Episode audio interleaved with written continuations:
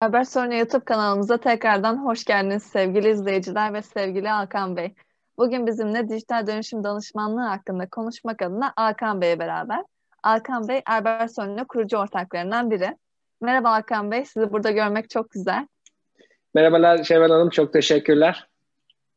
Bugünkü videomuzda dijital dönüşüm danışmanlığı hakkında konuşacağız. Sizden Albert Sonne olarak dijital dönüşüme bakış açınızı öğrendiğimiz bir söyleşi gerçekleştireceğiz. Ayrıca dijital dönüşüm nedir, neden önemlidir gibi birçok konunun da cevabını öğrenmiş olacağız. Dijital dönüşümü ve danışmanlığını Hakan Bey sayesinde iyi bir şekilde anlıyor olacağız. Buna hitaben ilk sorumu yöneltiyorum Hakan Bey. Dijital dönüşüm nedir? Ee, teşekkürler Şevval Hanım tekrardan. Ee, dijital dönüşüm ya da işte dijitalleşme ve dijital dönüşüm aslında e, faaliyetlerin daha çok dijital ortamlarda, dijital ortamlardan kastım işte bilgisayar, cep telefonu ya da bunun gibi elektronik ortamda e, biraz daha teknik tabirle işte bitler e, diyebileceğimiz o e, bilgisayara kaydedilen şekilde yapılması e, olarak adlandırılabilir. Dijitalleşme, dijital dönüşüm. E, bu bağlamda aslında yeni bir olgu değil. E, bilgisayar devriminin e, ile beraber daha da tabii ki herkesin hayatına e, girmeye girdiği, internetin de gene aynı şekilde e, keşfiyle beraber diyelim ya da icadıyla beraber, internet oluşturulmasıyla beraber e, daha da fazla hızlanan ve günümüzde artık dijitalleşme ortamının olmadığını hayal bile edemiyoruz. İşte sosyal medyalardan tutun da ondan sonra işte e, bankacılık, ondan sonra sosyal hayatımız, ondan sonra devletlerin kendi işleri dahil olmak üzere işte vatandaşlık işleri dahil olmak üzere her şey hemen hemen artık dijital ortamlardan yürütülüyor. E, bu noktada da e, şirketler de aynı şekilde e, dijitalleşme tarafında ciddi bir yol, yol aldılar. E, bu şekilde kısaca dijitalleşmeyi böyle özetleyebiliriz. Peki Hakan Bey, dijitalleşmenin avantajları nedir? Dijital dönüşüm işletmeler açısından neden önemli olsun? Yani diyelim ki ben 100-150 kişilik bir gıda şirketiyim. E, yazılarımız var. Excel, Word kullanıyoruz. Bu dijital dönüşüm değil mi? Veya dijital dönüşüm yapmak neden önemli olsun bizim gibi bir şirket için? E, tabii ki. E, şimdi dijital dönüşümün faydaları şu şekilde aslında. Şimdi aslında e, dijital ayak izlerimiz var. E, oradan oradan başlamak istiyorum ben.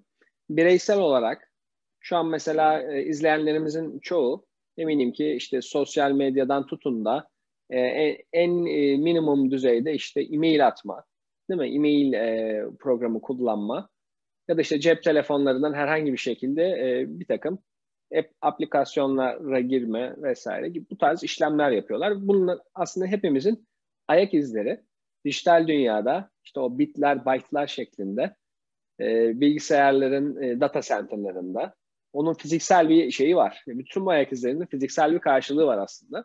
Onu biz tam görmüyoruz. Küçücük bir şey. Bitler, byte'lar, birler, sıfırlar. Ama e, bu direkt bu ayak izlerimiz var. Şimdi aynı şekilde aslında işletmelerin de dolayısıyla dijital ayak izleri olmak durumunda. Şimdi bu ayak izlerini biz ne kadar e, yapı, ne kadar altyapısını iyi kurarsak, ne kadar e, bütünleyici bir e, aslında e, ayak izlerini bütünleşik bir yapıda toparlayabilirsek bunları analiz etme imkanı doğuyor. Bunlara anında ulaşma imkanı doğuyor. Dolayısıyla o bilgilere. Ve yani sonuçta günümüzde bilgi sadece günümüzde değil, insanlığın varoluşundan beri aslında bilgi en önemli aslında e, sahip olması gereken bir aslında şey, unsur. Dolayısıyla doğru bilgiye istediğimiz zamanda anlık olarak ulaşmanın bize yollarını açıyor. Bir, ikincisi geçmişe dönük verilerin analiz edilmesi, geçmişe dönük acaba biz aklımıza gelmeyen neler e, yapmışız, belki bir analiz yapacağız orada, e, verileri analiz edeceğiz ve belki de bizim geleceğe daha iyi karar verebilmemiz için orada bize bir şey sunacak e, bu analizler. Bir yardımcı olmuş olacaklar. Hani dolayısıyla bu bağlamda dijitalleşmenin avantajları e, kesinlikle e, yatsınamaz diyebilirim. Bu bağlamda işte e, en önemli tabii ki avantajı baktığımızda operasyonel verimlilik sağlıyor. Operasyonel verimlilik ne demek? Hemen örnek verelim. Siz kendinizden örnek verdiniz. Dediniz ki mesela bir gıda şirketini ele alalım. 150 kişilik bir şirketimiz olsun. Güzel. Ondan sonra e, bu bağlamda şöyle düşünelim. E, diyelim ki işte şirketin anlık olarak ne kadar satış yaptığının bilgisine ihtiyacım var. Diyelim ki ben satış müdürüyüm. Şimdi bunu tek bir sistem üzerinden ve anlık olarak gerçekten hani bu gün itibariyle yılbaşından itibaren satışım ne kadar? Diyelim ki daha dün satışlar olduğunu varsayalım şirkette. O satışların sisteme giril eğer sistemsel bir bakış açısıyla bir dijital ortamlarda bu satışlar girildiyse hemen o kişi başka hiç kimseye gerek duymadan başka hiçbir bilgiye girip sistem üzerinden diyelim ki bir CRM kullandığını varsayalım. CRM üzerinden tamam yıldan yılın ilk başından bu zamana kadarki satışlarımız şu olmuş. Hatta 5 dakika sonra bir bakıyor. Aa, dur bir saniye bir satış daha geldi diyor. Dolayısıyla o veri anlık bir veri. Ve anında ulaşabiliyor. Akşam evine geldi. Ya bir daha bakayım başka bir rakam. Yarın bir daha bakayım dedi başka bir rakam. Ve anlık ve doğru bir veri. O veri e, sürekli sizi doğru verilerle besliyor e, sistem. Bir böyle bir e, bu işte dijitalleşme satış süreçlerinde sistem üzerinden dijital ortamda aslında e, işleyen bir şirketi e, örnek veriyorum şu an temsil ediyor diyelim. Bir de tam olarak bu konuda dijital dönüşüm sağlamamış ya da belirli seviyede sağlamış başka bir şirket varsayalım. Kim olsun? X şirket olsun. O da gıda şirketinin B gıda şirketi olsun. O da onun rakibi olsun. Ancak diyelim ki CRM kullanmıyorlar. Dolayısıyla o anlık satışının ne olduğunu tutup muhasebeye muhasebe işte ya bu ay yani işte şunun faturası kesildi mi ya da şu şunun e, aylık bana satışını verir misin? Muhasebe sisteme giriyor. Bulabilirse muhasebeden birini. Aslında muhasebenin görevi aslında onu şey yapmak değil, o kişiye vermek değil. Muhasebenin görevi fatura kesmek, tahsilat yapmak vesaire vesaire neyse raporlar hazırlamak. Ama e, diyelim ki tam bu anlamda dijital dönüşmemiş, dijitalleşme seviyesi diyelim ki belirli seviyede olan bir firma bu bağlamda ne yapıyor işte? Gidiyor işte muhasebeden ya da başka bir departman neyse ya da başka bilen birinden bilgi almak istiyor ve o sırada ona ulaştı, ulaşamadı o kişiye. Bir de işte yarın bir daha bir arayacak. Ya kardeşim sen de hani benim işim var diyecek muhasebe kısmı da. Dolayısıyla e, anlık istihbarat e, bir şekilde sağlıyor. Bu operasyonel verimliliği ortaya koyuyor. Çünkü bugün satış müdürü değil sadece belki satış departmanında çalışan hemen hemen herkes kendi verisini anlık olarak görmek ve gerçekten buna göre de belki aksiyon almak durumunda. Bu bağlamda operasyonel olarak ciddi bir verimlilik e, sağlıyor. Dijitalleşme, dijital dönüşümünde daha ileri olan bir firma değil. Çünkü dijitalleşmenin seviyeleri var. İlerleyen dakikalarda bunu konuşacağız biraz herhalde. O dijitalleşmenin seviyeleri var. Dolayısıyla o seviyeler noktasında e, seviye farklarında bile ciddi bir aslında verim ve aslında e, anlık olarak e, farklılıklar söz konusu olabiliyor ve hani bir, bir şirket daha iyi oluyor dolayısıyla daha hızlı hareket edebiliyor ama başka bir şirket bunun gibi yüzlerce binlerce belki de aylık e, şimdi bunu bir kere sormak tamam ama bir şirkette 150 kişi çalışıyor güzel 150 kişinin aynı şekilde e, sorular sorduğunu düşünün farklı farklı noktalarda gözükmez bu yani şirket yönetimi sahipleri görmez. O tıkır tıkır çalışıyor. Herkes telefonlarda falan. Halbuki normalde hani onlara hiç gerek olmadan birçok e, aslında e, süreci ve e, analizi yapabilecekken bunu işte telefonlarla ya da başka şekilde orada aslında yapmaması gereken bir şeyi yapıyor oluyor. Ya da sisteme delege edebilecek bir konuyu aslında başkalarını meşgul ederek sistem içerisinde bir verimsizlik olmuş oluyor şirket içerisinde. Dolayısıyla bu bağlamda e, ciddi bir e, şey e, avantajı var.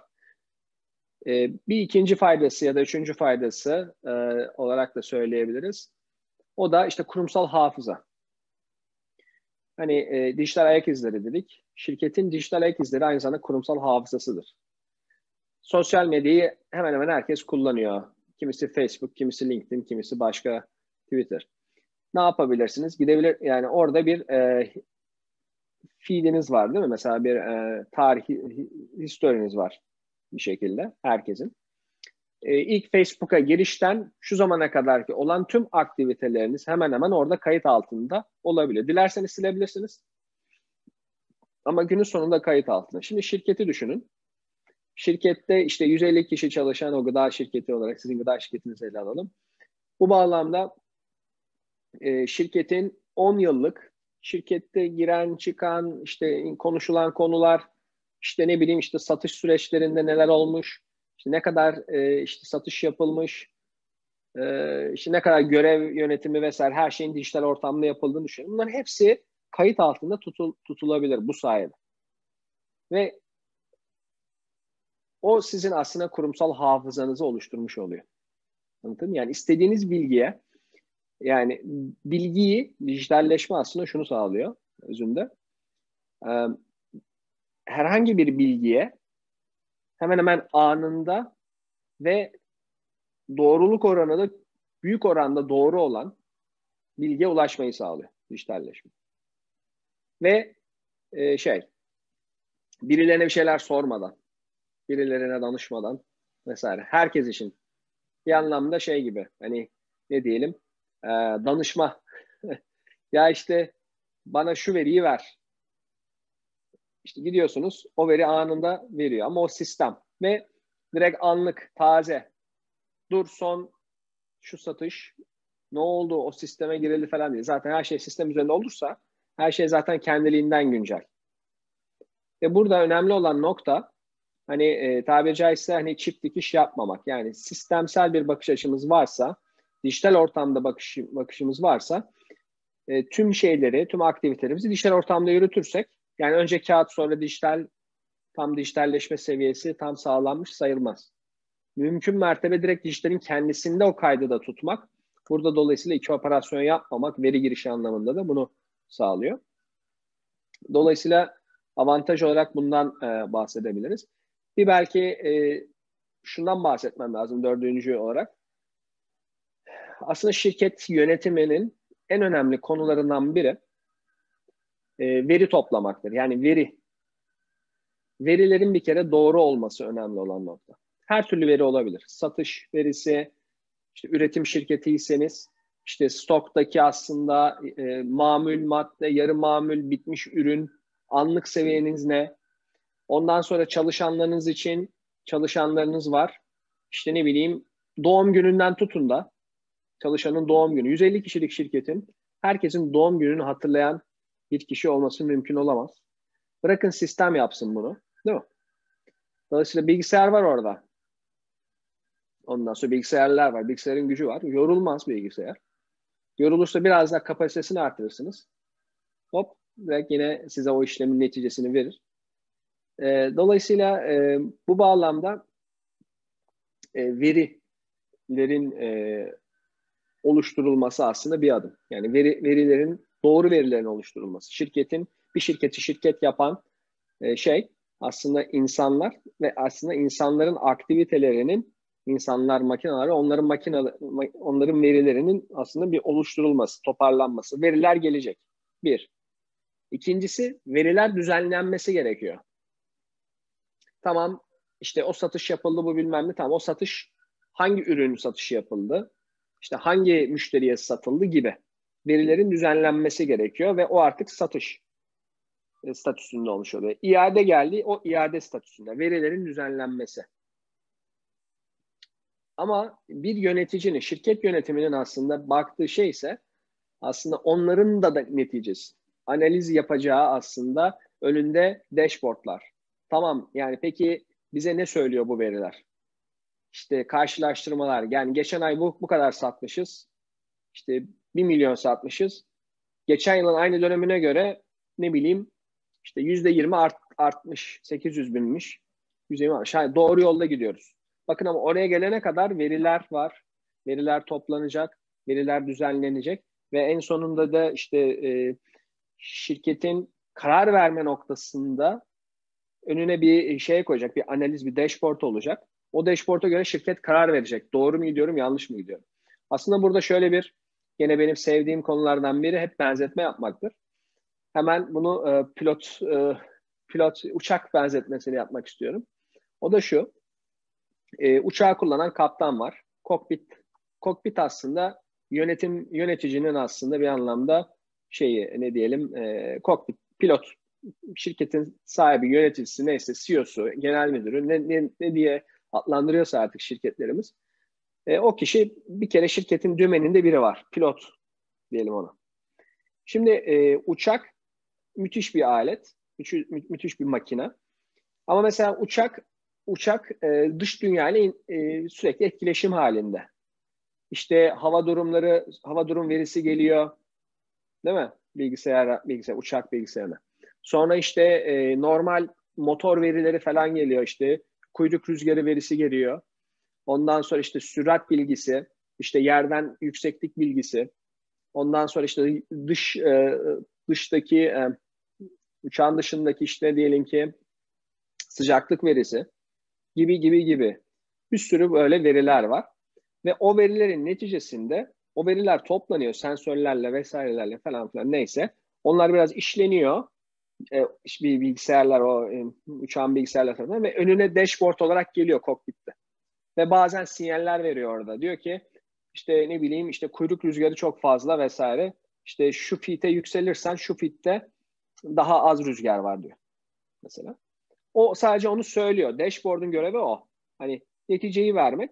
Onu yapıp yapmamak o pilotun görevi. İşte dijitalleşme, o veriler, verilerin analizi ve günün sonunda o dashboardlar noktasına karar vericiye aslında bir yön e, istihba, istihbarati bilgi geliyor. Daha iyi yapacaksın diyor. Bak şu yüksekliğe çık, orada rüzgar yok diyor. Hop çıkıyor rüzgar işte seviyeye. Dolayısıyla daha yolcular açısından daha e, sıkıntısız bir yolculuk e, yapıyor diyelim. Ya da önünde bir fırtına var. Diyor ki mesela o fırtına için işte şöyle şu kadar derece işte e, işte batıya döndür işte neyse biraz böyle bypass et gibi gibi gibi. Anlatayım mı? Dolayısıyla bu şekilde düşünecek olursak dijitalleşme noktasında şirketlerin kazanacağı en önemli nokta işte o kokpite e, e, doğru bilgilerin işte çeşitli işte analizlerle vesairelerle gerçekten herkesin o kokpit ben şimdi şirket yönetimini orada ortaya koydum ama departman yöneticisi de olabilir orada. Diyelim ki e, şirketin CEO'su diyelim ki Boeing bilmem işte büyük jumbo jet uçuruyor. Diyelim ki başka e, departmanlarda da daha böyle e, işte özel jet, 30 kişilik jetler uçurabilir. Sorun yok. Dolayısıyla onlar onlar için de aynı şey geçerli. Departman verileri geliyor. Tamam bir hedefleri var. O hedeflerine ulaşma noktasında neler yapacaklar. Gene e, o dashboardlarda, o cockpit e, şeyinde e, bunu e, karar verici mekanizma olarak bunu gene e, bu bilgiler ve dijitalleşmeler dijitalleşme sayesinde bunu verebilirler. Aslında böyle bir benzetme yapayım. Şimdi dolayısıyla şirketler, şirket yöneticileri şunu düşünmeliler bence bu bağlamda. Gerçekten e, kendilerinin anlık olması lazım burada. İşte uçak örneği biraz ondan dolayı e, tam örtüşüyor. Anlık veri çok önemli. Geçmiş veri yani uçağı, uçağı düşünsenize yani işte bir ay önce bir hafta önceki işte e, hava durumunu veremez uçak mesela. Hiçbir anlamı yok. Bir hafta önce şu oldu. Hiçbir anlamı yok. Bugünün bugün lazım bana gibi. Ha, geçen haftayı inceleyebilir. Geçen haftayı inceleyip ona göre başka şeyler verebilir. Ayrı mesele ama bana bir de şu anlık lazım. Anlık olması lazım bazı verilerin. Yoksa geçmişi inceleyerek de şunu yapabilir gene dijital ortamda evet uçak rüzgar verileri var diyelim. O zaman diyecek ki mesela ya bu rotada çok rüzgar oluyor artık bu rotayı kullanmayalım hiç. Başka bir şey yapalım. Yani direkt bu rotadan çıkalım gibi gibi gibi. Bu, bu tarz şeyler de olabilir. Bilgiler. Ama e, anlık veri e, önemli. E, geçmiş e, ya da fotoğraf verisi değil. Dijitalleşmenin en önemli şeyi şu. Şöyle bir e, analoji de yapayım. Şöyle bir e, benzetme de yapayım. E, şimdi e, dijitalleşme sayesinde ne kadar iyi, ne kadar fazla dijital seviyemizi arttırırsak aslında e, şirketin tüm aktiviteleri video recording yani video orada şey yapıyor, kaydediyor. Video. Ama diyelim ki yok. Yani dijital şeyimiz diyelim ki az. Diyelim ki üretimle alakalı diyelim. Ya üretimde ne kadar verimliyiz? Ne kadar zamanda üretim yapıyoruz? Şu ürünü diyelim ki işte gıda şirketiyiz dediniz. Şu işte konserve ürünü bir şey yapıyoruz diyelim. Konserve fasulye yapıyorsun neyse. Ya bunun üretimi, üretim hızı ne kadar? Dediğinizde eğer o noktada o dijital seviyesinde değilseniz ne yapmanız lazım? Şunu yapıyorsunuz. Kronometre alıyorsunuz elinize. Aşağı iniyorsunuz üretime ve üretimde o kronometrede o anki işte şey e, o işi yapan işte işçinin ne kadar zamanda yaptığını tutuyorsunuz. Bir daha iniyorsunuz bir hafta sonra vesaire. Hani tam o sağlıklı veri değil düşün, düşünüyorsanız böyle ölçümler yapmasınız. O ölçümü yaptığınız anda aslında e, şeyin şekli değişiyor. Belki daha verimli çalışıyor oradaki işçi. Belki daha ya işte geldi biri başımda bir şey yapıyor falan filan diye rahatsız oldu. Belki daha kötü yaptı. Deneyin sonucunu etkiliyorsunuz zaten. Hani gözlem gözlem yapıyorsunuz o sonuç etkileniyor. Bir ikincisi fotoğraf çekiyorsunuz aslında. O haftanın yani o, o yapmış olduğunuz şeyin e, neticesini biliyorsunuz. E peki siz yıllardır o konserve ürünü üretiyorsunuz. Günlük olarak acaba ne kadar değişiyor? Haftalık olarak onların değişkenliği ne? Üretim hızı ne kadar değişiyor? Ya da işte anlatabiliyor muyum? Ya da bir değişiklik yaptınız. Bir verimlilik sağ e, yaptınız. Gene aşağı inip ölçmek zorunda kalıyorsunuz. Eğer dijitalleşme bu anlamda yoksa bu seviyeniz bu seviyede değilse sizin. Ama onu dijitalleştiğiniz zaman artık video recording. Yani e, ya işte bir sene önceki şeye bakalım, bir sene önceki aynı haftaya bakalım dediğinizde gidip bir sene önceki işte e, ocağın ilk haftasının üretim hızına bakabiliyor olmak önemli olan nokta bu bağlamda. E, aynı şekilde Şubat'ın ilk haftasına gene bakalım. Aşağıda kimse kronometre tutmuyor. Sistem zaten o verileri zaten tutuyor, kaydediyor vesaire. İşte bu inanılmaz bir güç. Dolayısıyla e, dijital ne kadar dijitalleşirseniz o, o, o, o kadar o oranda aslında e, aynen video çekimi gibi video çekiminden kastım aslında bir sürü fotoğraf var videoda değil mi? Aslında videoların oluşma şeyi aslında orada işte fotoğraflar bir aslında daha eskiden işte çizgi filmler öyle yapılırdı. Fotoğraf fotoğraf fotoğraf bir araya getiriliyor. Yüzlerce binlerce fotoğraf var belki istediğiniz kareyi de istediğiniz zaman durdurabilirsiniz. Diğer türlü bu yoksa bir tane fotoğraf alıyorsunuz. İyi çektiniz, kötü çektiniz, sevabıyla, günahıyla ona bakmış oluyorsunuz. O anı ölümsüzleştiriyorsunuz. Ne eskisi ne bunun bir öncesi var ne geleceği var. O an. Dolayısıyla e, fark bu. Dijitalleşme tarafında sürekli bir şekilde bu veriler sürekli besleniyor ve anlık. Bu bağlamda da e, başka bir avantaj olarak hani bunu e, söylemiş olayım. Dolayısıyla hani kurumsal hafıza dedim, işte izlenebilirlik vesaire. E, bu şekilde e, uzunca anlatmış oldum ama bu şekilde e, söyleyebilirim faydalarını. Çok sağ olun Hakan Bey. Peki şöyle bir soru çıkıyor karşımıza. Şirketler spreadsheetlere, Excel'de, Word'de yazışmalar gerçekleştiriyor ve bu dijitalleşme değil midir diye çok soru soruyorlar. Dijitalleşme bu değil midir? Dijitalleşme daha mı farklıdır? Dijitalleşmenin seviyeleri var mıdır? Dilerseniz bunun hakkında konuşalım. Tabii ki. Ee, aslında çok doğru bir soru bu. Çok güzel bir soru. Şöyle söyleyeyim. Dijitalleşme gerçekten e, neye göre bir kıyasla aslında e, ölçülebilir. E, evet, mesela e-mail kullanmak dijital ortamda bir aktivite yapmak demek oluyor. Bu dijitalleşme midir? Dijitalleşmedir. Neye göre? İşte fax'a göre. fax göndermeye göre. Fax göndermeye göre evet e-mail göndermek bir dijitalleşme e, seviyesine göre evet daha dijital bir e, süreçtir. E, ya da mesela işte ne bileyim kağıt üzerine yazmaktansa işte Word dokümanına yazmak dijital midir? Evet ona göre dijitaldir. Ama burada Artık bu seviyeler zaten gelinmiş olmalı hani birçok şirkette ama bazı noktalarda gelinmemiş noktalar da var. hala iş emirlerinin, formlar, işte ne bileyim vesaire gibi hala kağıtlarla e, dijital ortama dökülmeyen ya da iki operasyon yapılıp yani kağıtta yazıyor bir de gelip dijital ortama giriyor. Dijitalleşme demek olmuyor aslında. Yani dijitalleşmenin amacı iki şey yaratmak değil aslında. Tek sistem.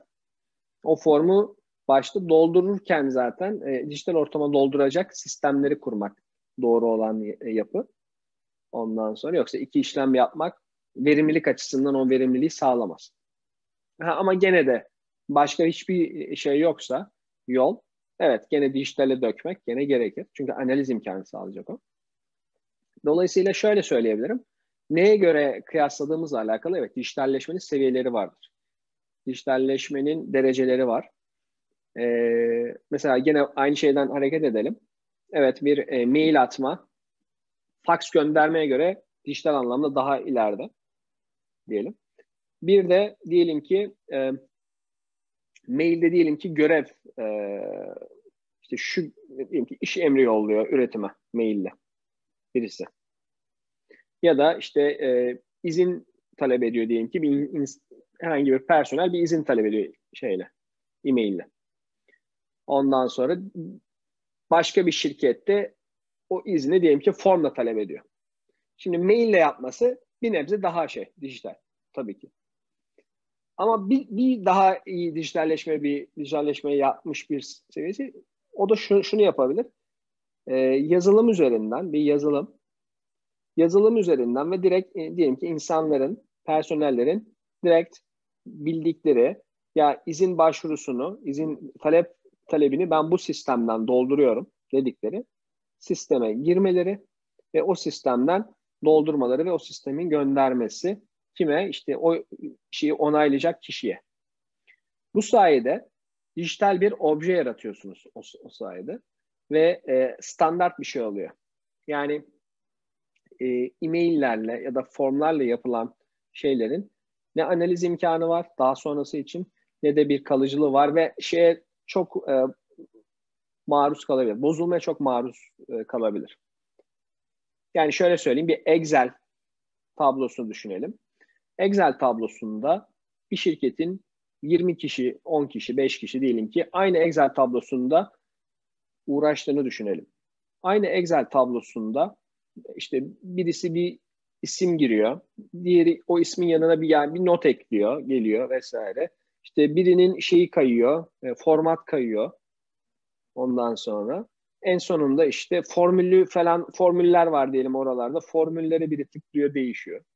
Falan. Hani yani bu bu şekilde bu yine bir dijital seviyedir ama işte bu tam olarak dijitalleşmenin özü biraz daha farklı. Nedir diyecek olursanız şu. Şimdi aslında dataların biz buna yazılımda e, daha steril data diyoruz. Steril olması.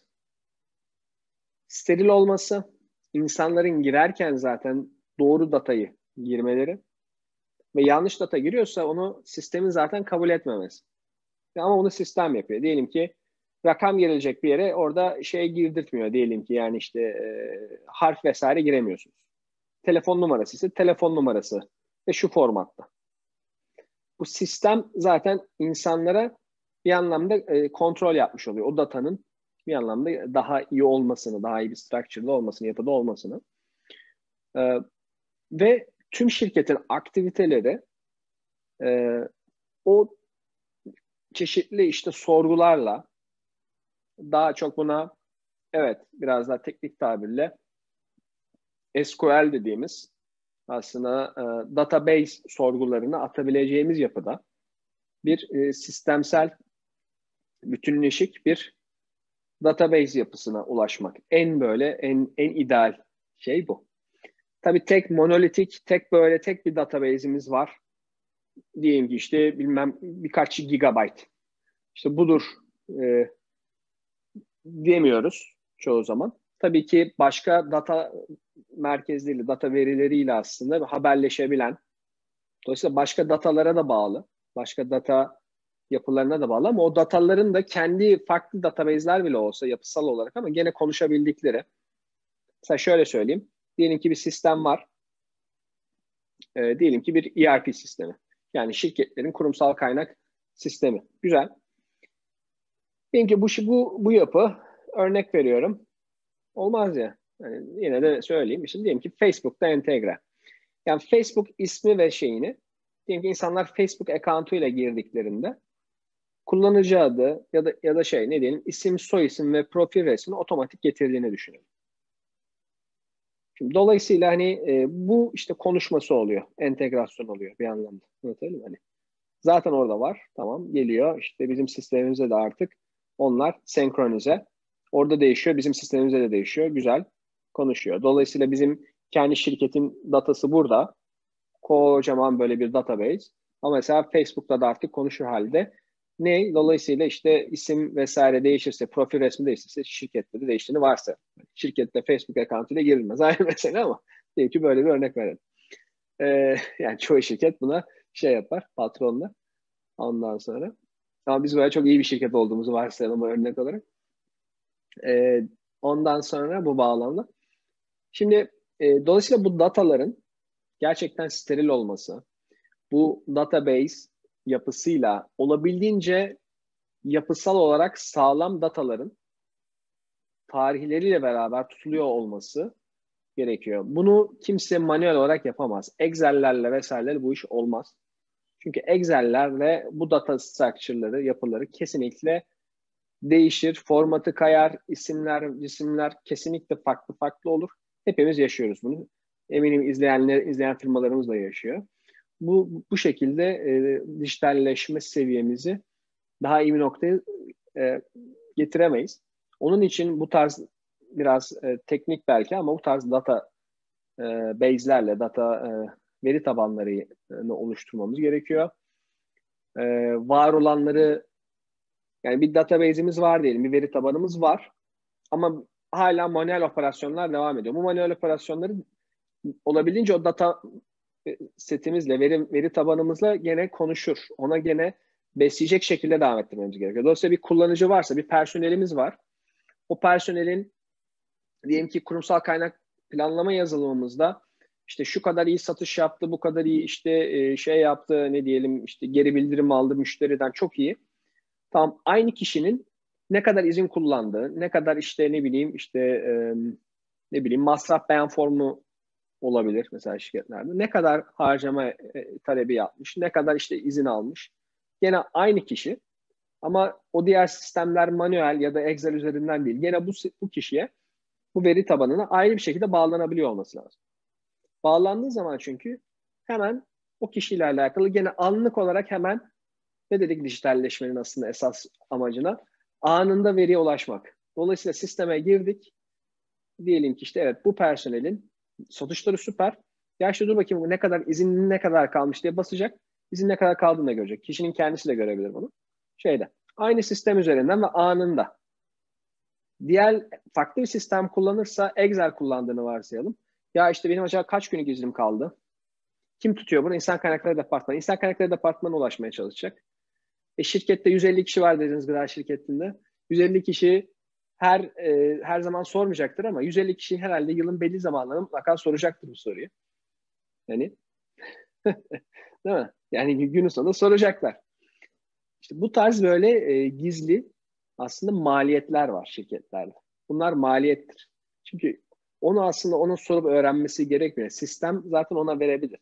Sistem üzerinden kurup açarsanız o kişilere sisteme gir diyecek. O kadar olup bitecek. Genel bir duyuru yapacak. Sistemde arkadaşlar diyecek. Bitti. Ve anlık. Artık o bir daha eline gelmeyecek için.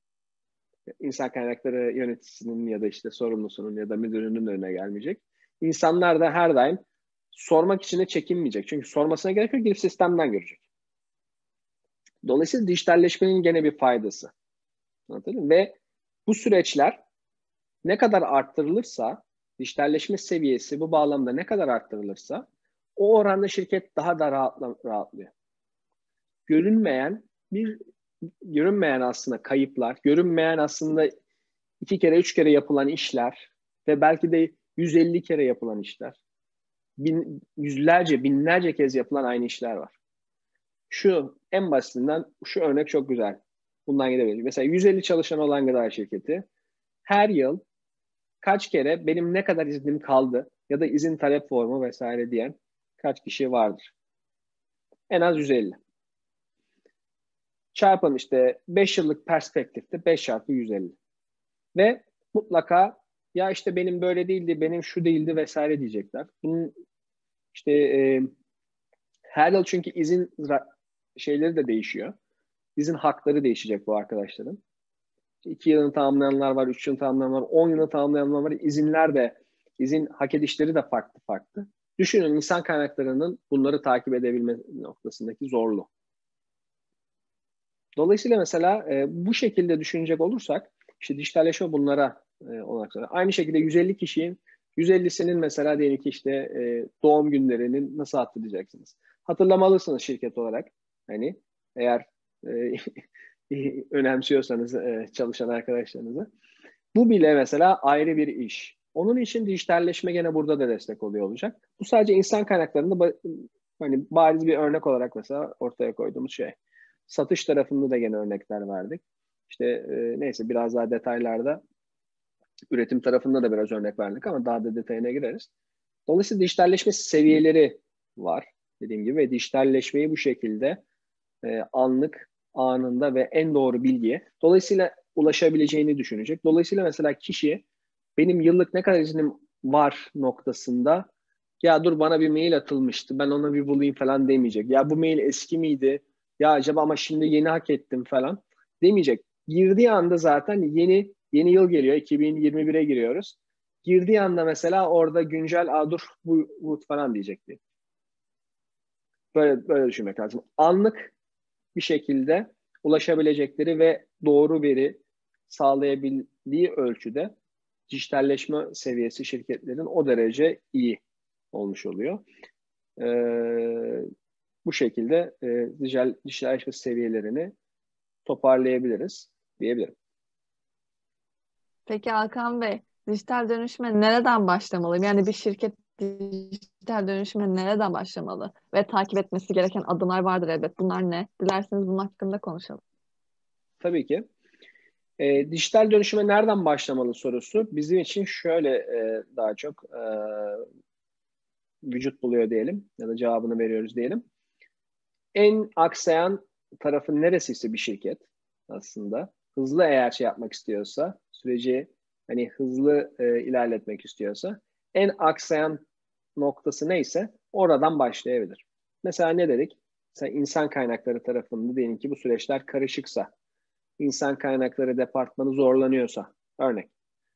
Dolayısıyla işte ya izinlerin top işte şeyinden yönetiminden tutun da işte masraf beyan formları geliyor olabilir. Başka işte e, ne bileyim hmm, maaşların e, hesaplanması, primlerin hesaplanması dahil yani. Hani bu tarz e, şeyler varsa ise buradan e, başlayabilir. Ya da işte ne bileyim e, işte üretimde dediğim gibi üretimde e, işte formlar var. Bir sürü form var. İşte ne diyelim iş emri formları ya da işte işi tamamlama formları. Ya buralarda işte işler çok karışıyor. Rakamlar orada tam doğru olmuyor. Ben bu kadar ürettim diyor işte müdürü şu kadar üreteceksin diyor. İşte işçi bu kadar ürettim diyor. Mesela buralarda karışıklık olabilir. O zaman üretimde e, biraz bu süreçlere bakılabilir. Ya da işte satış süreçleri olabilir. Satış süreçlerinde işte işte satış süreçlerinde kim kimden nerede sorumlu, müşteriyle en son ne konuşuldu, işte mevcut anlaşmanın şeyleri ne, ne durumda, e, ne diyelim, stage'leri ne durumda diye e, e, gibi. Buralarda mesela problem varsa buradan başlayabilir. Ya da işte pazarlama tarafında dijital pazarlama olabilir. Bu dijital pazarlama tarafında işte e, web sitesi ziyaretçi sayısı azdır da işte onu nasıl arttırırız? Dijital pazarlama tarafında nasıl yaparız? Gibi gibi gibi bu şekilde. En ihtiyacı olan yerden başlaması doğru olan nokta. E, ancak şöyle bir şey var bu noktada şirketler bence kafa yapısı olarak aslında öncelikle biraz bir değişikliğe ihtiyaçları var. O da şöyle söyleyeyim, kafa yapısından kastım şu. Şimdi dijital dönüşüm yazılım satın almak demek değil. Yani yazılımlar satın alıp gerçekten parası neyse verelim. Dijital dönüşümü sağlayın arkadaşlar. Talimatı ben verdim üst yönetim olarak. Bunu sağlayın vesaire değil. Tam tersine gerçekten yukarıdan başlayan zaten. Yani dijital dönüşümde işte az önce saydığımız konular, avantajları ne, nerelerde e, problemlerimiz var. Yani yazılım anlamasına gerek yok üst yönetimin. Neticeye bakması önemli olan noktadan. Problem ne ve işte biz bunu nasıl çözeriz? Bu şekilde e, bakmaları da fayda var.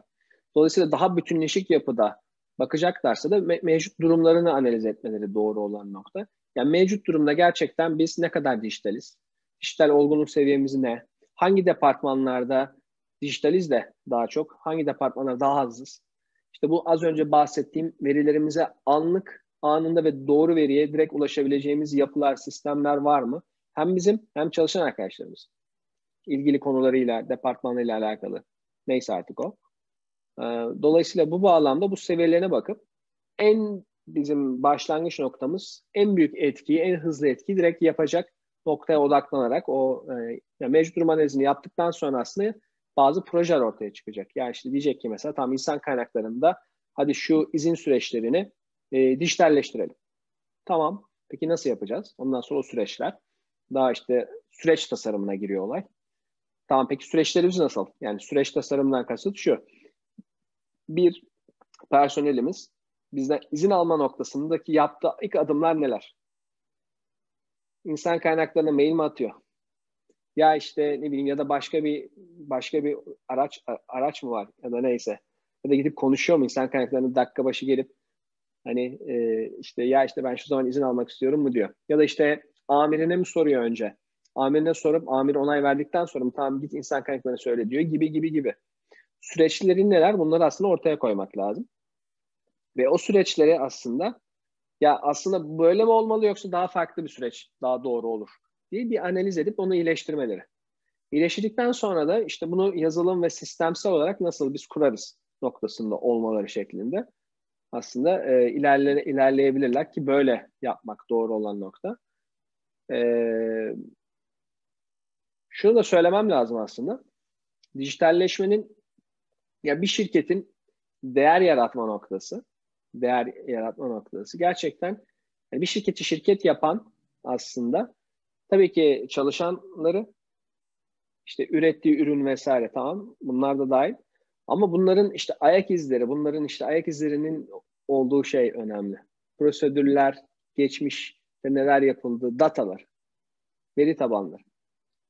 Dolayısıyla bunu toparlamaya çalışıyoruz. Dijital dönüşüm aslında bu. Buraları gerçekten toparlamak, buraları yaşayan o işte veri tabanı, o işte işin içinde ruh da var. İşte e, politikalar, prosedürler, bunların da gene dijital olarak ortada olması lazım. Ondan sonra ulaşılabilir, anlık ulaşılabilir olması lazım. O sayede gerçekten e, şirketin rekabet seviyesini arttırıyoruz bu sayede. Yani şirket kendi rekabet seviyesini arttırıyor. Daha verimli süreçler ortaya koyuyor daha kurumsal bir yapıya ulaşıyor. Yani e, ama bu yani mindset diyorlar şeyde İngilizce'de. Bu işte e, bakış açısına sahip olması lazım. Bu bakış açısına sahip olursa üst yönetim ondan sonrası e, gerçekten çorap söküğü gibi geliyor. Dolayısıyla hani e, başlamaları gereken süreç olarak e, öncelikle gerçekten buna inanmaları her zaman olduğu gibi üst yönetimin ve ondan sonra da işte mevcut durum analiziyle en e, hızlı sonuç alabilecekleri noktalara odaklanarak devam etmeleri diyebilirim. Peki Hakan Bey siz anlattınız biraz ama ekleyecek bir şey varsa ben tekrar sorayım.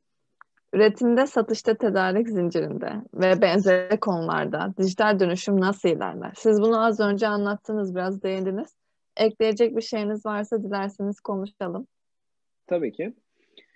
Ee, burada aslında departmanlar e, bazında e, gidilebilir tabii ki. İşte tedarik zincirinde neler yapabiliriz? Bir üretimde neler yapabiliriz? Aslında bunların en başında e, süreçleri gerçekten ortaya koymak gerekiyor. Şimdi şöyle bir gerçek var. Firmalarımızda günlük koşuşturmanın dan dolayı ondan sonra e, iş süreçlerimiz nasıldır, nasıl olmalı noktasında böyle bir bilincin olmadığını görüyoruz. Yani İş süreçleriniz nasıl dediğinizde ya onu işte tamam size işte bizim üretim müdürü anlatsın. Üretim müdürü anlatıyor gerçekten. Bunda problem yok. Ama işte insan kaynakları süreciniz nasıl? Ya işte insan kaynakları anlatsın. Tamam. Anlatıyor. Bazen de anlatamıyorlar. Ya da işte e, süreç dediğin zaman ne demek olduğu da hani bilinmiyor olabilir. Süreçten kastımız az önce söylediğim gibi as, bir e, e, şeyin, bir aksiyonun ya da bir e, aksiyonun başlangıçtan biti, bitişine kadarki süreçlerin aslında adımların ortaya konulması. Yani bir şeyle başlar her şey. E, biraz İngilizce bir tabir ama işte bir işte trigger. Yani tetikleyen bir faktör vardır. Tetikleyen faktör ne? Bir e, personelin aslında izin almak isteği. Tetikleyici faktör. Okey öyle başlar. Ben izin almak istiyorum. Sonra ne yapmalıyım? Sonra işte o süreç işte öyle başlıyor. Sonra işte amirinden izin almalısın. Tamam. Amirinden izin aldım. Sonraki süreç insan kaynaklarına bildirim. Tamam insan kaynaklarına bildirdim. Sonra işte gerekli formun doldurulması online olarak vesaire ve işte iznin gerçekleşmesi neyse. Aralarda çok detaylar olabilir. Diyelim ki amirine söyledin tamam amirinden ama sana dedi ki mesela tamam yerine kim bakacak? Bunu belirle. Gibi gibi gibi. Dolayısıyla bunların standart olması lazım. Olabildiğince hani standart olması lazım ki siz aslında dijital dönüşüm sürecindeki işte o formu, o akışı ona göre doğru bir şekilde aslında ortaya koyabilir. Dolayısıyla insanlar e, ulaştığı zaman ben bunu yapmak istiyorum dediği zaman aslında o sayede formu gönderdi. Hemen o form amirine gidiyor oluyor aslında. Amiri ne? Aa, dur böyle bir istek geldi. Amiri onaylıyor. Ondan sonra diğerine geçiyor. Ya da onaylamıyor o zaman geriye bildirim geliyor. Şöyle şunu yapman lazım vesaire. İşte süreç dediğim şey bu. Dolayısıyla bu süreçleri e, bakmak lazım ve bu süreçleri iyileştirmek lazım. Var olduğu şekliyle almamak lazım. Süreçleri iyileştirmek lazım. Aradaki böyle hani israfları, aradaki gereksiz adımları elimine etmek lazım. Çünkü süreci tasarlamak, yapmak, dijital dönüşüm e, pahalı bir süreç olabilir. Dolayısıyla buralarda verimlilik sağlayarak, yani daha sonra bunu tasarlarsınız ama verimsiz bir süreci tasarlarsınız, daha verimsizliğe devam edersiniz. Daha verimli hale getirmek lazım. Bu bakış açısına da sahip olmak lazım. Dolayısıyla e, üretimden tutun da işte, işte dediğim gibi tedarik zincirine, işte insan kaynaklarına, bir şirketin hemen hemen tüm departmanları, tüm fonksiyonlarını bir süreç bakış açısıyla değerlendirip bakmak gerekiyor ve buna göre de işte ana veri tabanımızı nasıl besleriz, nasıl birbiriyle entegre olur sistemler, e, bunu yine e, ortaya koymak gerekiyor diyebilirim. Departmansal olarak ya da işte operasyon olarak da bu şekilde özetleyebiliriz. Hakan Bey söyleşimizin sonuna yaklaşmış bulunmaktayız. Son sorumu da son sorumuzu da size yönelterek söyleşimizi bitirelim dilerseniz. Genel olarak toparlamak gerekirse Albert Sorne olarak dijital dönüşüm danışmanlığı kapsamındaki yaklaşımınız nedir? E, tabii ki e, şöyle dijital dönüşüm kapsamındaki yaklaşımımız şu. Biz e, şirketleri aslında başlangıçta gerçekten analiz etmekle başlıyoruz. Dijital dönüşüm seviyeleri ne durumda? Dijital dönüşüm seviyelerinden kastım nasıl ölç nasıl seviyelerden bahsediyorum? Az önce bahsettiğim gibi aslında e, işleyen süreçler var. Dolayısıyla süreçleri ortaya koyuyoruz bir kere. İşte satış var, pazarlama var, işte insan kaynakları, üretim, ya da işte servis, hizmet neyse artık şirketin yapısına göre değişebilir. Bu süreçlerdeki gerçekten dijitalleşme seviyesi ne? Bu noktada mesela e, direkt baktığımızda nokta şu. Anlık olarak şu veriye e, lütfen hani ulaşabiliyor musun? Bunu gösterebilir misin? İşte birileri gidip e-mailde e, tamamdır en son şuna bakayım vesaire diyorsa mesela bu tam belirli bir seviyenin gelmemiş olduğunu gösteriyor. Ama giriyor mesela bir sistemden anlık evet satışım şu kadar gerçekleşti geçen ay ona ulaşabiliyorum bakın şurada vesaire diyorsa mesela bu iyi bir süreç olmuş oluyor gibi. Bu şekilde aslında bizim kendi metotlarımız ve derecelendirme metodolojimize göre bunları analiz ediyoruz. Ve bu analizleri de e, sahada da validasyon dediğimiz biz de bu analizleri yapıyoruz. Ama gerçekten sonradan da gidip ilgili müdürlerle, ilgili departman yöneticileri ya da neyse yöneticilerle, şirket sahipleriyle dahil olmak üzere bunları konuşuyoruz. Böyle bulgular bulduk. Bunun siz ne diyorsunuz gibi.